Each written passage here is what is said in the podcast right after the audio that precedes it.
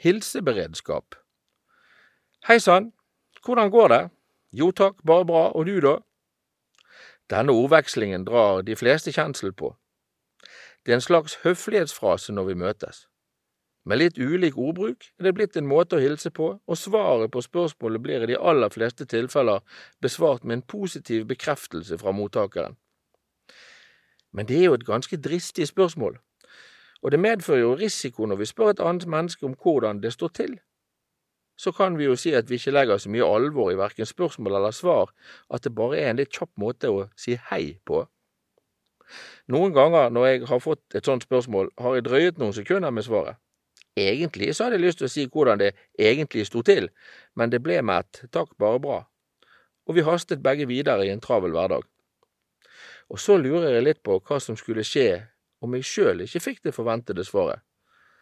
Hei, hvordan går det? Takk som spør, det går faktisk ikke så bra. Oi, hva gjør jeg da? Jeg kan si øh, nei vel, og løpe for livet, eller jeg kan stoppe opp og stille meg disponibel for en oppfølging av svaret. Samtidig kjenner jeg på hvor vanskelig det kan være å gjøre det samme sjøl, si det som det er, for det handler ofte om roller og masker, om selvbilde og stolthet.